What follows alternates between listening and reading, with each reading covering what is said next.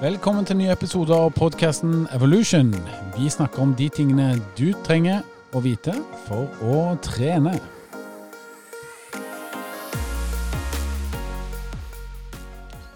Ja, da er vi på plass igjen med våre eminente faste gjester. Det er Halvor. Er du på plass? Her er jeg, klar og stygg. Klar. og så har vi Andreas. Hallais, hallais. Der var vi, og undertegnede heter Henning, som vanlig. Og vi er klar med en veldig spennende episode i dag, er vi ikke det, gutter? Jeg må innrømme at nå har jeg en sånn barnslig glede av å få snakke med en eh, stor idrettsutøver, som eh, har mye annet å by på også. Mm. Vi har jo, skal jo da ta imot eh, Ja, det er vel den mest profilerte gjesten vi har hatt til nå på den podkasten her, Andreas. Ja, det er helt klart. Og det er jo kanskje den, den av de gjestene vi har hatt som har slitt seg ut mest lengst. Godt poeng, godt poeng. Ja, um, lytterne er sikkert veldig nysgjerrige, så jeg tror at vi skal droppe litt av den sånn vanlige smalltalken. Og så bare sette i gang så fort som mulig. Olaf uh, Tufte, velkommen til podkasten Evolution. Tusen takk for det. Veldig hyggelig at du ville være med. Um, vi lurer jo da på hvordan, uh, hvordan er det med trening for deg om dagen? Uh, ser dagen litt annerledes ut nå enn vanlig, eller går det det samme? Ja, altså, mine dager består av veldig mye trening, og så er jeg midt i vårånda. Så jeg, i tillegg til koronakrisa, som uh, tar ganske mye tid og energi for å prøve å finne ut av hva staten egentlig mener at de har tenkt å gjøre, så selv om mitt liv egentlig består av å sitte på rumpa, så vil vel de fleste påstå at jeg ikke sitter veldig mye på ræva om dagen. Absolutt, det, det har jeg forståelse for. Ja, jeg har jo vært eh, på besøk sammen med Andreas her. da. Eh, Halvor var vel ikke med den dagen, men eh, da var du på treningsleir. Men vi var på besøk og kjørte en podkast på gården vi med din, din gode venn Kamil Hagberg. Og det var jo imponerende det vi fikk se der nede, Andreas. Du, jeg, eh, Det var virkelig en stor opplevelse. Vi fikk jo en, en god omvisning på, på, gården. Og mm, for meg var jo høydepunktet når vi var i stabburet og, og, så på gamle meritter. Det, det syns jeg var veldig kult. da. Mm. Men det, dere driver da og, og leier ut uh, disse lokalene. Kan du fortelle litt om hva dere driver med der nede? Ja, altså Hele den uh, sekvensen her begynte vel egentlig tilbake i 2004. Uh, fordi uh, Nå har jeg vært på rolag i veldig mange år, men de aller fleste roerne mente at å være bonde var jo bare å sitte på rumpa og kjøre traktor, og det er jo ikke så vanskelig. Det kan jo til og med være gøy. Uh, så jeg lagde en, uh, en Farmer Challenge etter OL i 2004, blant annet. Hvor jeg inviterte masse kjente utøvere og litt TV og litt sånt noe. Og det var jo etter OL i 2004 så var det jo alltid lett å få med seg media, for det hadde gått veldig bra for Norge. Uh, og da kjørte vi typiske bomøvelser med å løpe opp låvebrua med kornsekker og hvelve traktordekker og sånne ting.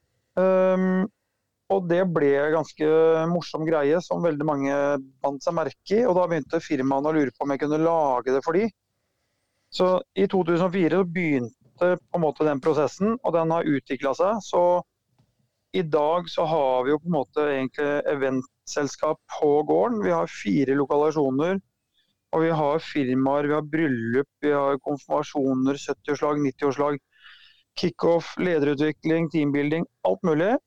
Uh, og det vi gjør litt annerledes, er at uh, vi har mye sjel, vi er bondske, og vi tar med folk ut i, i skauen og får litt harm i skoa. Det er jo kjempeinteressant, og vi fikk jo lyst til å konkurrere når vi var der. Vi fikk ikke noe tid til det, men uh, vi, vi, må få til det en annen gang da, gutter. Får vi ikke det? Gjerne det for oss. Vi er klar når som helst. Veldig bra.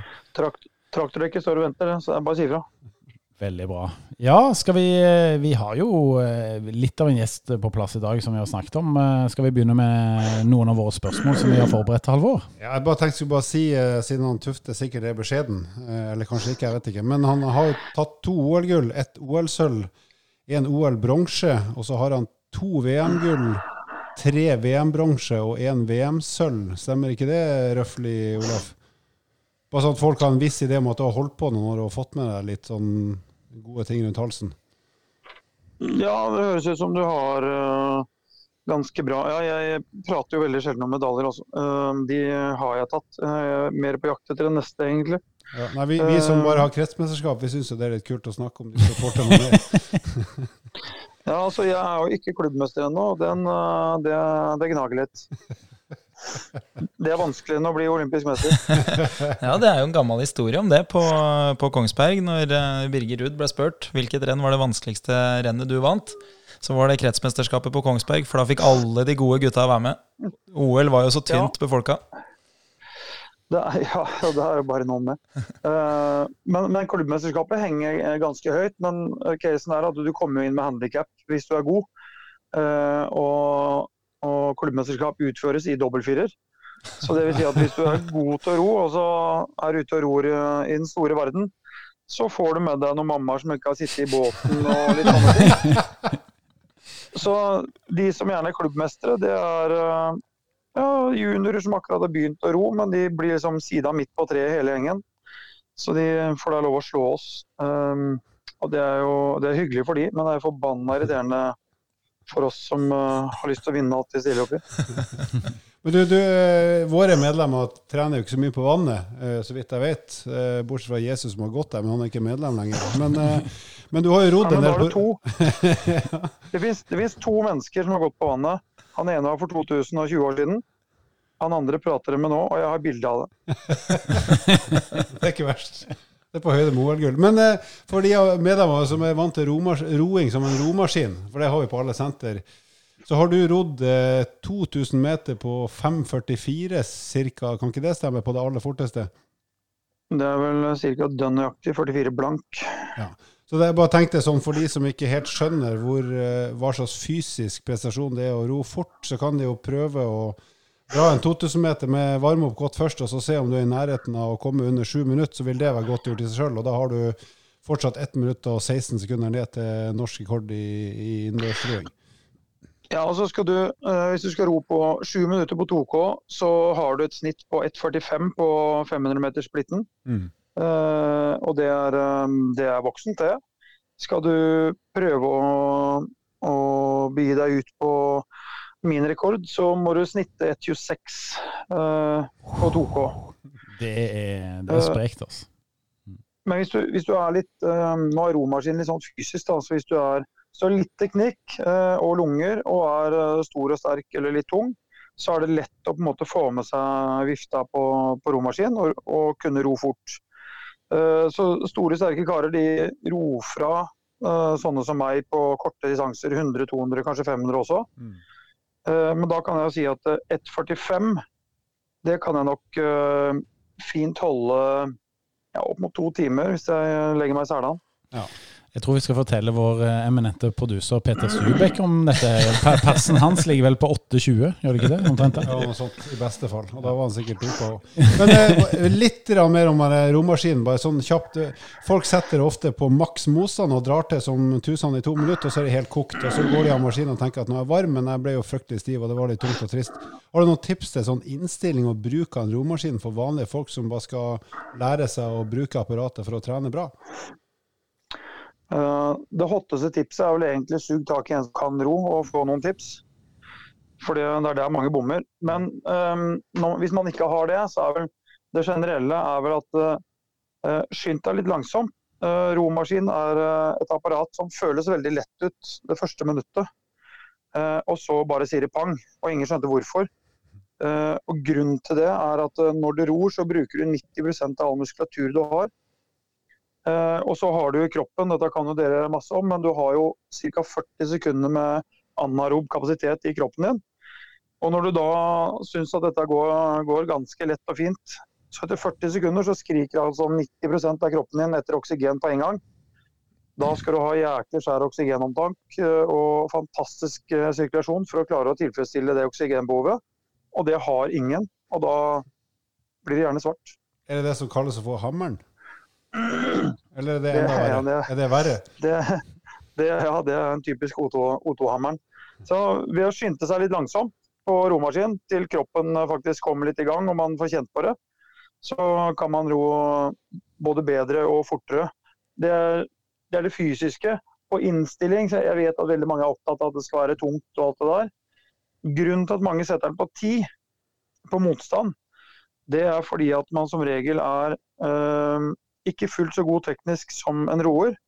Og da får man ikke med seg eh, hjulet fra innerst i taket. Rumpa detter gjerne litt ut, så beina begynner å gå. Over, du løfter overkroppen, for det virker jo naturlig. Og da har du nesten en fjerdedel av taket unnagjort før du får tak i maskin. Mm. Og da føler man at hvis ikke man har skikkelig belastning da, så får man jo ikke trøkt noe. Mm. Så mm, ved å få noen tekniske tips, så vil man få tak i hjulet mye tidligere. Og da trenger man ikke så stor motstand for å ro og kjenne at man blir brukt. Det er litt som å kunne å sykle. Du kan sammenligne med de som ikke kan sykle, som sitter og humper på setet fordi de klarer ikke å bli med pedalene. Mm. Det er samme effekten. Så de, må, de sitter bare og tramper på sykkelen istedenfor å trekke og skyve. Mm, akkurat. Ja, det, det, er spennende det du sa for uh, et par minutter siden i forhold til dette her med romaskin. At det er faktisk noe som store, sterke karer kan gjøre ganske bra på korte distanser. Uh, jeg har vært med i NM på romaskin, men jeg har aldri hatt uh, et minutt på vannet i en båt, altså. Men jeg fikk jo da tiden 1.21 på 500. Og det holdt til bronse ja. da i NM den gangen. Det er habilt. Det er det. Men uh, hvis du hadde satt meg på, på vannet, så hadde jeg nok drukna. men eh, det er litt gøy da med romaskin, for det, det, skaper en viss sånn uh, En stor treningsglede for meg å sitte på romaskin på treningssenteret. Også. Det må jeg si. Det er, det er Nå er jeg kanskje inhabil, men det er ikke uten grunn for at det har på, ord på seg for å være det ultimate treningsapparatet. Og Grunnen til det er at et rotak er såpass kraftfullt. Uh, så når vi racer, så kan du sammenligne et rotak med 60-70 kg i frivending. Og det er ganske mye. Uh, og så gjentar du det 240 ganger. De fleste har slutta lenge før 240. Men det her igjen gjør at uh, du faktisk uh, du blir sterkere i kroppen av å ro på romaskin, selv om du har lange økter som skulle tilsi at det er kondisjonsøkt. Uh, jeg har tre atletkompiser som måtte slutte å ro fordi de la på seg muskulatur i overkroppen som de ikke var så interessert i inn i konkurransesesong. Absolutt. Så det er til ettertanke. Ja. Og Så kan jeg jo dra en ting til det da i samme diskusjon. og det er jo at meg og deg, Halvor, vi, vi, meldte oss jo på en sånn norgescup på 2000 meter. Eh, og når det kommer fra gymmet, hvor vi har tilbrakt veldig mange timer du, du, Vi slapp ikke like godt unna med det på en 2000 meter, altså, for da, da blir distansen lenger, og da falt vi litt igjennom. Gjorde vi ikke det? Vi ramla godt gjennom det, gitt. Og etter 1500 eh, meter, 1510 meter, så var jeg så stiv overalt at jeg begynte å grine, selv om jeg ikke var lei meg. Og det, det er ikke kødd engang. Så han Foss, han Tore Foss han sto og holdt, holdt, motet oppe her på Skulder sportssenter. Han skjønte at eh, toget hadde forlatt stasjonen og alt håp var ute. Men der kom han gjennom. Ja, og Halvor fikk tiden 6.43, og jeg fikk tiden 6.44. For han rodde jo etter meg, da, så han kunne liksom peile seg inn på det lille sekundet. Så da er vi ett minutt bak eh, deg, Olaf. eh, selv om vi hadde jobba iherdig med dette her i seks-syv måneder, vel. Ja. Det sier litt. Jeg, jeg syns ikke det er så ille, men det er jo også noe av det som er litt uh, show med romaskinen, uh, er jo at uh, man kan være ganske nære gode utøvere. Men idet du begynner å bikke under 6,20, da begynner det å koste mye for å liksom begynne å knipe sekunder. Så um, dere er habile for 6,20 med litt teknisk trening og å få blåst i Tor Belgen. Og så ønsker jeg dere lykke til med å knipe de neste. Veldig bra. Ja. Det går jo rykter om at du driver og lager en sånn eh, rotrenerutdannelse òg, for de som er personlige trenere der ute. Så det, det blir jo spennende å følge her etter sommeren. Uh, man må jo spille på de korta man har. Det er ikke så mye jeg kan lenger etter å ha sittet på rumpa i 28 år. Men jeg, jeg kan noe om, uh, om et rotak. Du er vel ganske brukbar på stakemaskin òg, er du ikke det? Ja, jeg, skal, jeg får i hvert fall vifta til å suse. Ikke sant. Jeg liker det at han, han det er Olaf Tuste som er beskjeden her, men jeg har flasha den der NM-bronsen min fra NM i Trondheim på romaskin. Og jeg er som sagt kretsmester i fotball i elleveårsklassen. Ja, han har ikke nevnt OL-gullene sine ennå.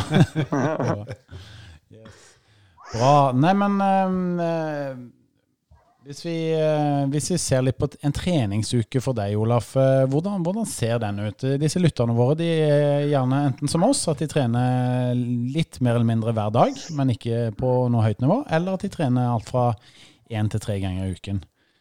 Vi er jo litt sånn nysgjerrige på hvordan ser en treningsuke ut for deg? Uh, ja, det er som å åpne en kokebok, for det er forskjellig fra dag til dag, uke til uke, måned til måned. Avhengig av hva, hvor vi er hen. Eh, hvis vi befinner oss i type januar, da, som kanskje er eh, den store mengdeperioden hvor vi kjører mye langt, da eh, er vi Da kan vi bikke 40 timer på det aller verste. Det begynner å bli ganske mye. Og så inn mot konkurranser så kan vi være nedpå ja, 16-18 timer, kanskje. Og det er jo for oss ganske lite. Da kjeder vi oss fælt. Ja, det sier litt, da. 16-18 timer. Det er vel en vanlig uke for deg, det, Halvor? Ja, I beste fall er det en, drø en drømmeuke. Men eh, når du har ei sånn 40-timersuke, hvor mange av de timene sitter du og ror? Enten på vann eller eh, da kanskje mest på romaskin hvis det er januar? Da I januar så går vi veldig mye på ski. Uh, det er litt lettere å sluke timer. Uh, det å sitte på romaskin kan du uh, sammenligne litt med å gå på skøyter. Det er en litt sånn kinkig posisjon som du ikke orker å ha for mange timer av i løpet av, av, av dagen. Så på det aller verste, da er vi kanskje på vann igjen på høydesamling, men hvis vi har mer enn tre og en halv til fire timer roing på en dag, så begynner det å bli ekstrembelastning på kroppen. Så da blir det en del andre treningsformer, altså. Og da, da er det ski, eh, og det går langrenn, du sier. Men eh, er det andre typer aktiviteter? Sykler du en del, eller? Jeg er akkurat ferdig med tretimersøkt nå med bakkedrag i Hannakleiva, for de som er litt mer lokalkjent rundt sandet. Sande. Syklister vet hva det dreier seg om. Um, vi løper hvis vi har bein og knær til det. Svømming må vi gjerne bruke. Mye styrketrening. Stakemaskin, altså motocross. Alt. Jeg bruker mye kroppen min nede på gården og jobber fysisk og kombinerer da både trening og jobb. Uh, men da, da setter vi opp tempo. Men du, eh, sånn styrketrening, hva er liksom nøkkeløvelsene i styrketreninga for å bli bra til å ro? Eller ordentlig god til å ro? Eh, Da vil jeg si hele kroppen. Punktum. Men uh, hvis du skal ta tre øvelser bare for at folk skal få en eh, sånn, prioritere, iallfall uh, eh, ta med det som er smart, da. Sånn hvis de ikke har all verdens av tid. Da kjører du chins, beinpress og eventuelt markløft. Veldig bra. Da, det er jo konkrete du, da har du dekket godt. Ja. Bra. Det høres bra ut for meg, da. Favorittøvelsene, omtrent. Ja, veldig bra. Yes.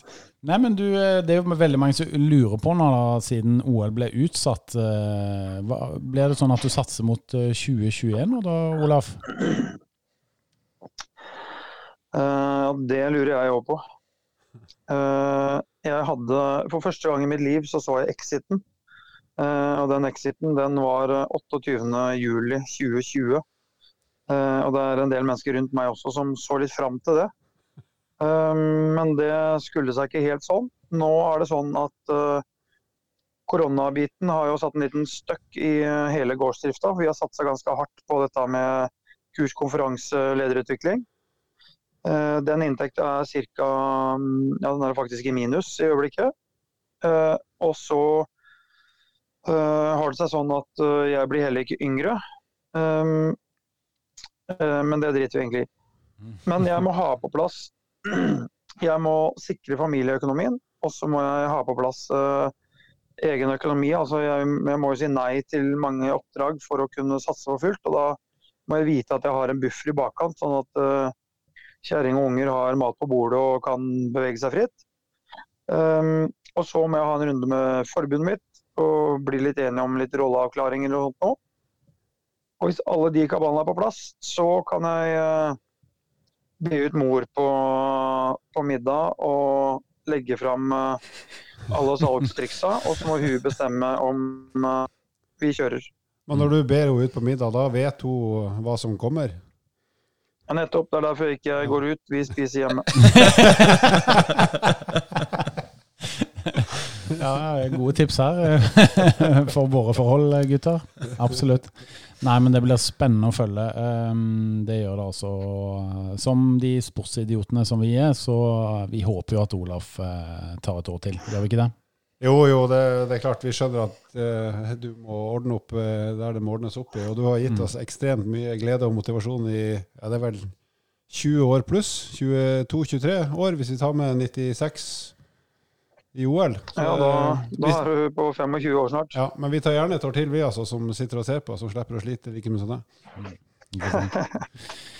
Men eh, vi snakket jo litt om, da før episoden her at vi var litt sånn nysgjerrig på det treningsarbeidet som Olaf hadde lagt ned i, eh, ja, i de årene før han ble 20. Halvor, vil du utdype litt på det? Ja, altså nå, nå har vi eh, lest om deg og fulgt med på deg en del år, til og med før internett. Uh, og visstnok så begynte du å ro sånn organisert fra du var 17, stemmer det?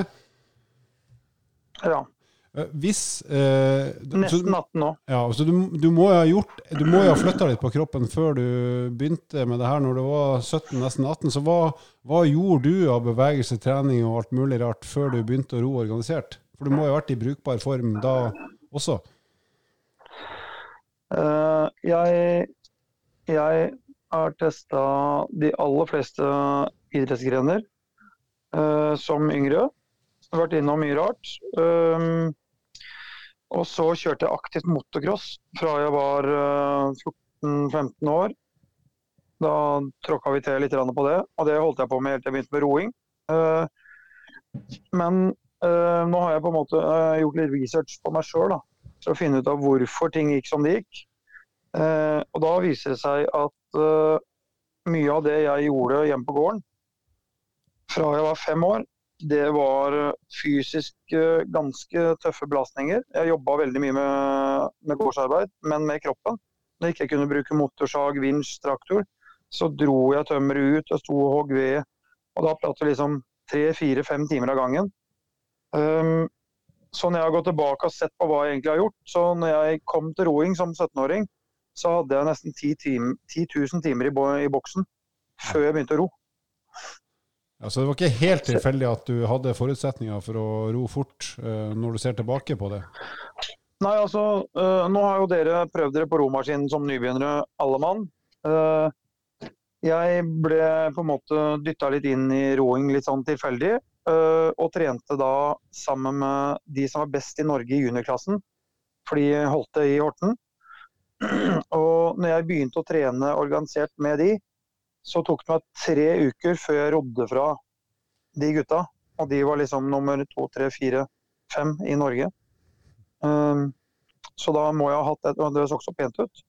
Uh, så da må jeg ha hatt et eller annet annet som uh, fungerte.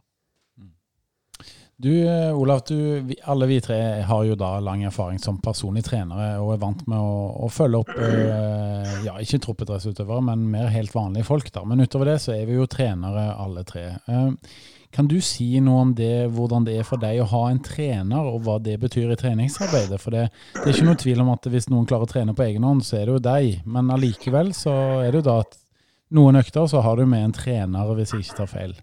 Kan du fortelle litt om hvor viktig det er å ha en trener i treningsarbeidet? da?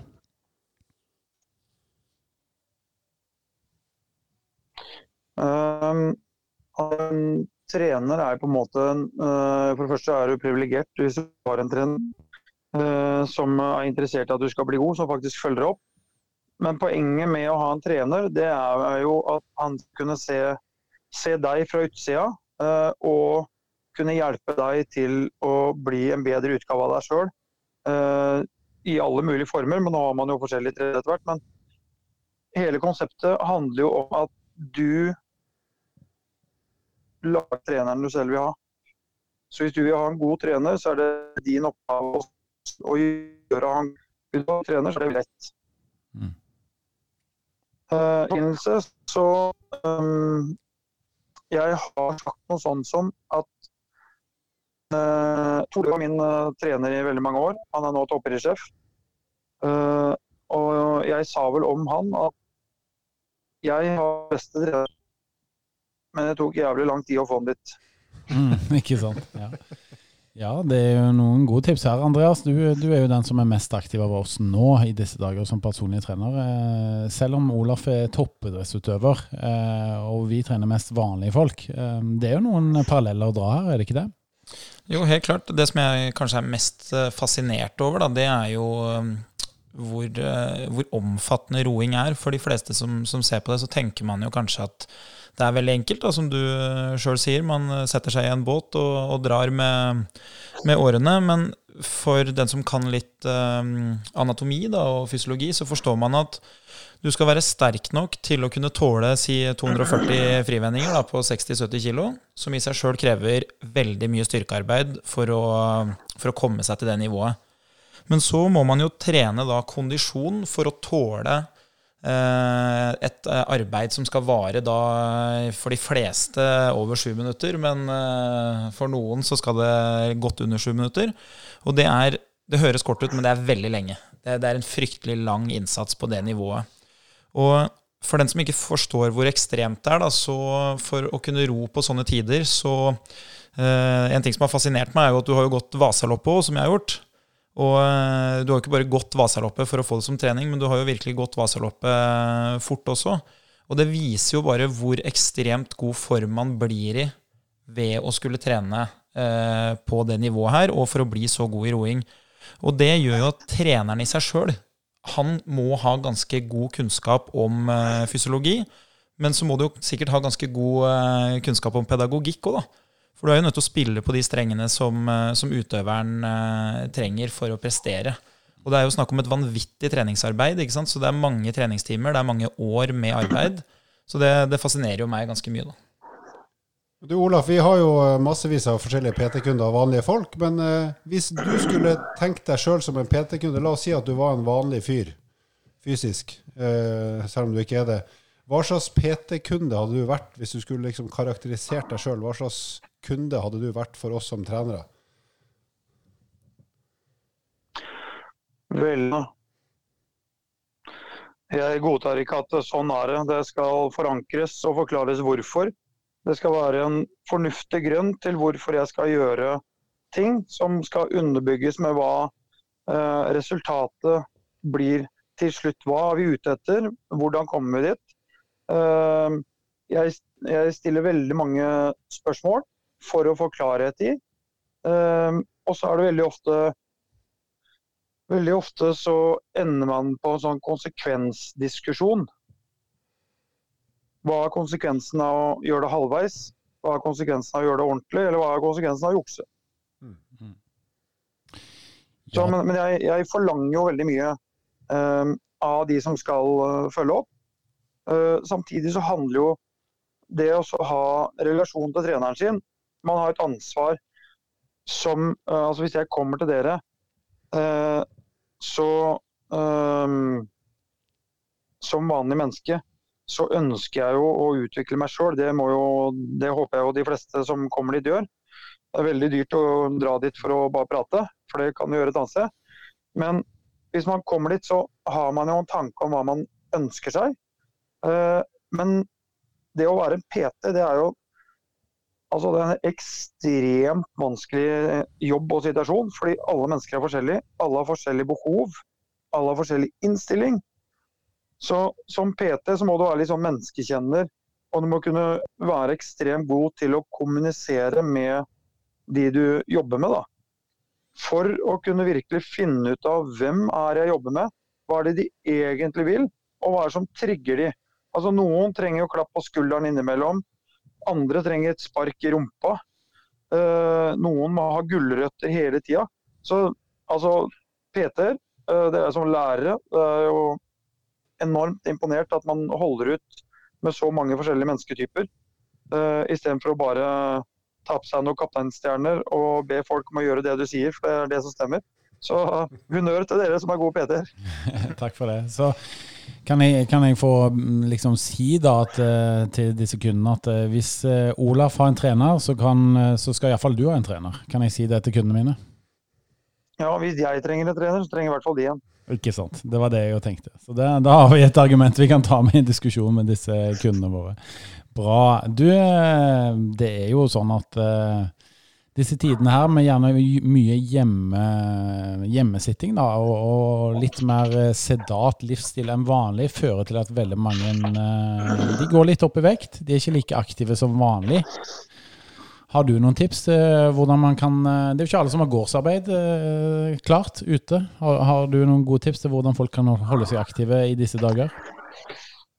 Uh, altså mitt beste tips når det gjelder det her, det er vel egentlig uh, å ha struktur på hverdagen sin. Det farligste som skjer nå, som det er på en måte det hjemmeskole, hjemmekontor, uh, permitteringer. Hvis man drar den påskeferien litt langt nå, så blir det litt mye push, seine frokoster, seine filmer på kvelden, og man kommer ikke ut av pysj og rufsetilværelsen. Det er den farligste situasjonen du setter deg sjøl i. Uh, og Derfor er jeg veldig opptatt av, og det er jo egentlig generelt, men struktur er kanskje det viktigste våpenet. Uh, og Måten å gjøre det på er at uh, dagen i forveien så må du tenke hva, hva er målet mitt i morgen, hva skal jeg i morgen? Jo, jeg skal kanskje støvsuge to av rommene, og jeg skal pusse noen vinduer. Uh, og så kan jeg gå til posten og da kan jeg ta en strafferunde, så får jeg litt mer frisk luft. Og så skal jeg spise måltidene mine til vanlige tider. Og jeg skal Ja, dere skjønner, dere skjønner hele mm. tegninga? Mm. Dette, dette, er liksom, det er det viktigste våpenet mot brakkesjuke og koronafedme. Fordi når det blir litt for mye pysj og rufsehår uh, og seine kvelder, så det er da pottisen kommer fram. Det er da det blir wienerpølser istedenfor uh, uh, speilegg. Og da er vi på en måte, da er vi i gang i en sånn litt sånn dårlig tralt.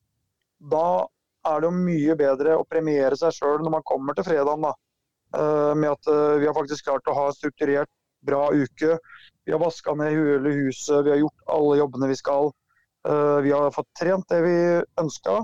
Kanskje litt i overkant også, fordi at vi hadde tida. Så da kan jeg faktisk kose meg litt med en pizzabit eller litt ekstra dressing på, på tacoen. Alt avhengig av hva folk har som gulrøtter. Men mister du strukturen, så mister du deg sjøl. Ja, mange gode tips her, eh, gutter. Apropos mat, eh, Olaf. Hva er det du liker best å spise hvis du bare skal tenke at det her skal være godt i kjeften? Altså Uavhengig av kalorier og nytte. Men hva liker du best å ete når du skal virkelig ha det tipp topp med mat? Hjemmelaga norsk bondekost. Det er bra. Det er bra. Med ordentlig altså, saus? Jeg, jeg, jeg, reiser, jeg har jo ekstremt mange reisedøgn i løpet av et år. Eh, bor på eh, noen veldig dårlige hotell med dårlig mat, men jeg bor også på noen hotell med ekstremt god mat. Eh, og jeg går matlei. Jeg går drittlei. Jeg gleder meg til å komme hjem til kjøttkaker i brun saus med ertestuing, flesk i duppe, koteletter og sylteagurker. Mm. Det er liksom åh, vi er så privilegert som har så bra matutvalg her i Norge. Veldig bra. Mange gode tips her, altså. Denne her, eh, dette med struktur og det man gjør eh, hver dag og sånn, de tipsene fra Olaf her likte jeg veldig, Olaf likte jeg veldig godt. Minner litt om dine tips, Andreas. Ja, det, jeg pleier å si det at hvis du skal nå et mål, da, så må du ha en, eh, ha en plan. Hvis ikke så skal det godt gjøres at du bare ramler ned akkurat på riktig plass. Det, det, er vel kanskje ikke noe hemmelighet uh, at uh, Olaf er veldig strukturert. Det, for den som har litt kjennskap til, uh, til de tingene som han har uh, utretta idrettskarrieren sin, så forstår man det. Når du, når du tar medalje i fire forskjellige OL, så begynner man å, å, ha en karriere som spenner seg over såpass lang tid at tilfeldighet er ikke nok. da. Du møter ikke opp Eh, fire ganger med fire års mellomrom og plumper over en eh, medalje, sånn som han eh, skøyteløperen på rundbanen gjorde. Det, det går ikke. det er sant. Det er faktisk en ganske kul greie. Han var happy. Ja, det er bra, det. Det, altså, det, det, er jo som uh, Jeg hadde jo Frank Beck som min mentale mentor en periode. Uh, og da diskuterte vi jo veldig ofte at jeg syntes kanskje sjøl at jeg var litt treg ut noen ganger. Og Da titta Mar på meg og sa ja, men Olaf, det lønner seg å lede når løpet er slutt. og det er jo sant, det. Ja. Ja, det er vel, Roing er vel en sport der du generelt sett ikke kan stole på flaks, går vel an å si? Um, jeg har veldig lite tro på flaks. Altså, alle har litt flaks innimellom. Uh, men som Ingmar Stenmark sa, hvis dere, dere vet jo godt hvem det er Ja. uh, Han vant jo bare 87 slalåmrenn når han uh, var på topp. Og han vant jo stadig da med tidel og noen hundredel og sånt nå. Og han ble intervjua av en, en svensk reporter. Så sier han Ingmar, hvordan føles det å ha så flaks at du vant igjen? Og Ingmar Stenmark er en mann med ganske få ord, så han titter på reporteren og sier han, ja du. Jo, jo mer jeg trener, jo mer flaks har jeg. Visdomsord eh, der med andre. Visdomsord fra Ternaby. Apropos der eh, flaks, eh, han der kortløperen, han heter Bradbury. Jeg bare kom på det nå. Det var en digresjon. Men du, jeg må bare litt tilbake igjen til idrettskarrieren din, for den er jo ikke slutt. Men uh, siden jeg er et komplett sportsidiot, så må jeg bare spørre. I 98 vil mange si at du hadde et gjennombrudd. Da var du med i en firer. Om det var med eller uten styrmann, det vet du, men ikke jeg. Men eh, hva var det som leda til at du, du og sikkert resten av laget fikk et sånt løft fra 96-97 og så inn i 98? Eh, I 96 så Da hoppa jo to av gutta ut av båten etter 96 og var ferdig. Eh, de har på en måte vært med i OL og var fornøyd med det, og dro videre. Den ene er Morten Bergesen, eh, som sitter og forvalter eh, Bergesen-familiens oppsett. Ganske stor jobb. Og nestemann er Odd Even Bussnes, han hoppa også ut. Han, vi prater stadig sammen, og siste jobben han hadde før han er der han er nå, så jobba han ganske tett med sjølveste Musk i Tesla. Ah. Forholdsvis oppgående karer. Eh, så jeg skjønner at de satsa på litt annet enn eh, roing, hvor du stort sett får blomster og korter. Eh, de har heller livnært seg litt bedre enn eh, det vi andre gjorde. Men eh, ja, løft i, i 98, ja, det må man jo eh, gjerne kanskje si. Jeg satt jo da i en firer. Vi blir gjennom med seks VM til slutt i den uh, fireren. Eh, og jeg eh, var vel egentlig lyning hele det året, for jeg vant alt som var av tester og rart. Jeg lå og prøve meg i den dobbelen som jeg mente at jeg Eh, Den dobbelen ble to med Steffen og Kjetil. Så jeg husker en av de klareste tingene jeg noen gang har sagt og gjort, det var at når jeg kom hjem fra VM i 98, så var jeg dritforbanna. Uh, til klubbtreneren at uh, neste år så skal folk stå i kø og spørre om de kan få lov til å roe meg, for dette gidder jeg. Veldig bra. Ja, vi nærmer oss jo tampen på denne episoden her, men du Halvor, du hadde jo lyst til å spørre om litt sånn aktuelle ting i forhold til noen sånn eh, personlige rekorder og sånn, hadde du ikke det?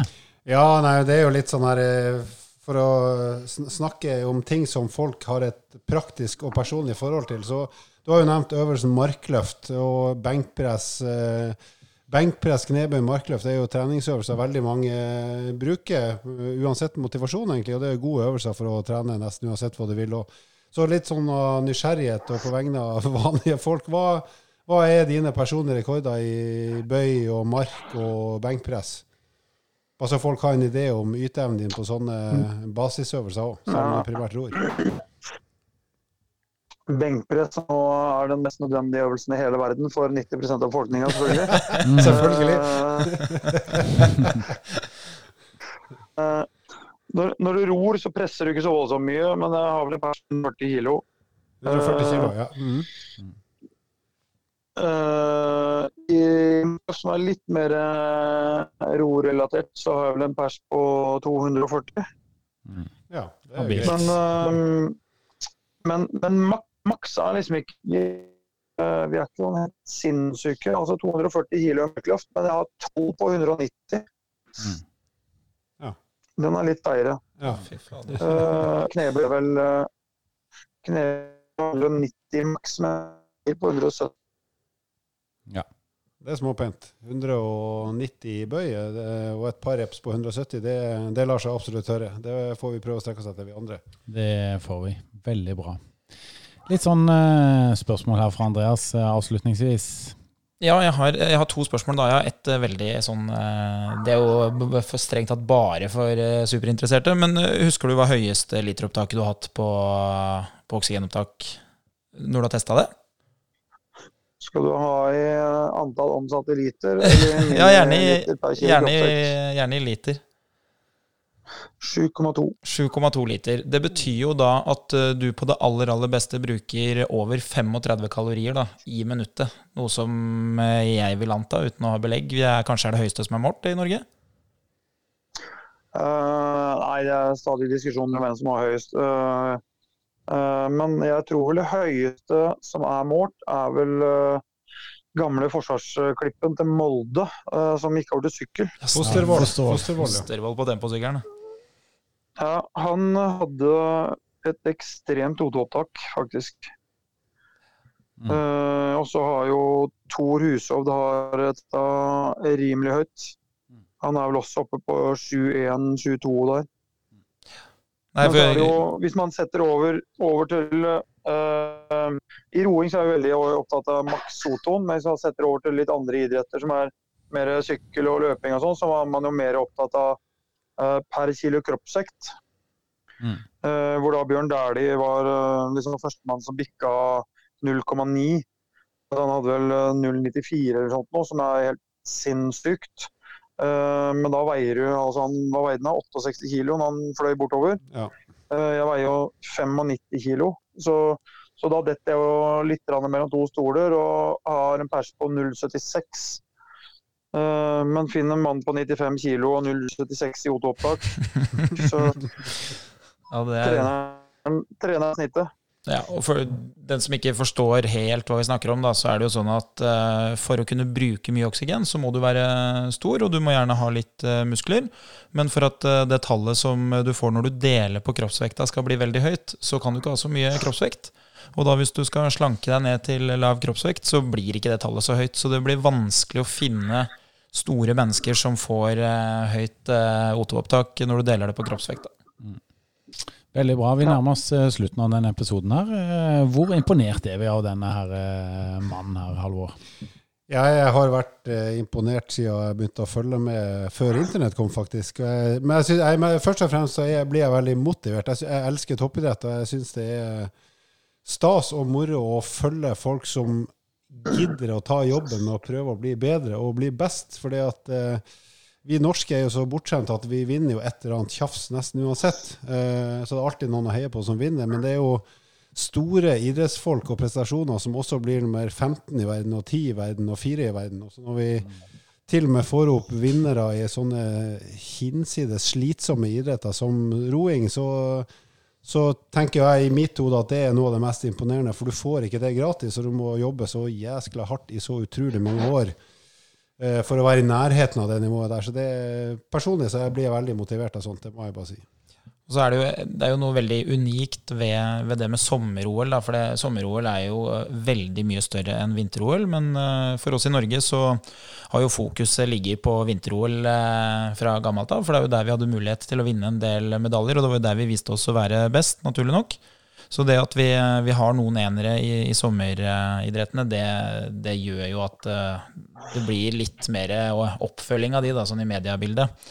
Men jeg har bare et sånt uh, siste spørsmål som jeg lurer litt på. Det er jo litt direkte, da. Men du har jo da rodd uh, alt fra aleine til du har rodd sammen med en annen person. og nå var jo planen at du skulle ro sammen med en del litt yngre gutter. Og jeg forstår jo sånn i i en idrettskarriere så må man være kynisk nok til å, til å, velge det som er best for seg selv. At hvis man er best, så er det jo naturlig å ro aleine. Men føler du litt også at du gir noe tilbake til rosporten, nå som du ror med noen som er eh, bare halvparten av alderen din? Uh, ja, det får, det får, andre svare på, tror jeg. Men det har seg sånn at uh, det her handler vel mer om at uh, man eh, får litt nye utfordringer eh, og blir da satt sammen i lag. Eh, og toppen av egoisme, det handler ikke om å svømme innover sånn som sunnmøringer. Det har ikke noe med egoisme å gjøre i det hele tatt, for det er jo idioti. Topp, toppen av egoisme, det handler om å ved, Altså, Um, nå stoppa det litt opp meg. Toppen av egoisme. Ved å heve andre, så hever jeg meg selv. Men da framstår du som en sympatisk fyr. Så si at hvis jeg vil, hvis jeg vil ro fort på banen med tre unge karer, så må jeg gjøre alt jeg kan i min makt for å få de så gode som mulig, og hjelpe de, sånn at de hjelper meg. Og sånn har jeg tenkt, selv om jeg har sittet alene også. Når jeg har rodd med folk uh, på trening, både norske og utenlandske konkurrenter og alt mulig rart, så uh, har jeg delt erfaringer, synspunkter, i håp om å også få noe tilbake. og det har vært med på å skape meg til den utøveren jeg på en måte er, da, som er nysgjerrig, har ingen hemmeligheter.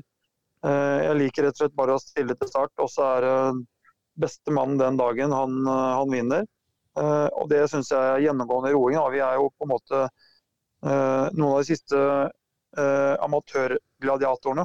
Vi får jo ikke penger, vi betaler jo penger for å ro. vinner ikke penger, da vinner vi jo blomster og T-skjorter. Um, så vi, vi, ror for heder og ære, og er på en måte ekstremt opptatt av den biten her, den fairness-greia. Uh, og så er vi dritgode venner etterpå. Altså, Mine verste konkurrenter har bodd hjemme på gården og jobba og trent sammen med meg. Jeg har reist på ferie til de, eller kall det hva du vil, trent 30 timer i uka er ferie for meg. Eh, men det er på en måte samholdet vi har i rofamilien, da. Og det, og det er kanskje en av de grunnene til at jeg fortsatt holder på. Kjempefin. Og det var jo virkelig en fin avslutning på den podkasten her. Så vi har lyst til å si tusen takk for at du kunne bli med, Olav. Og så håper jeg du inviterer kjerringa di på en middag. Inviterer kjerringa di på en middag nå, før 2021. Forhåpentligvis. På vegne av oss, iallfall. Ja, vi tar gjerne en jeg er i kjempeform eh, en gang til, vi, altså. Det er helt klart. Tusen takk. Vi får se. Og masse lykke til videre, både med gården og med roingen. Og så sier vel for oss, Andreas, hva sier vi da? Sayonara. Husk å abonnere på podkasten på Spotify eller på iTunes. Og husk på det, fortsett å sende inn gode spørsmål på Evo Fitness sin Instagram eller på Facebook. Til neste gang god trening!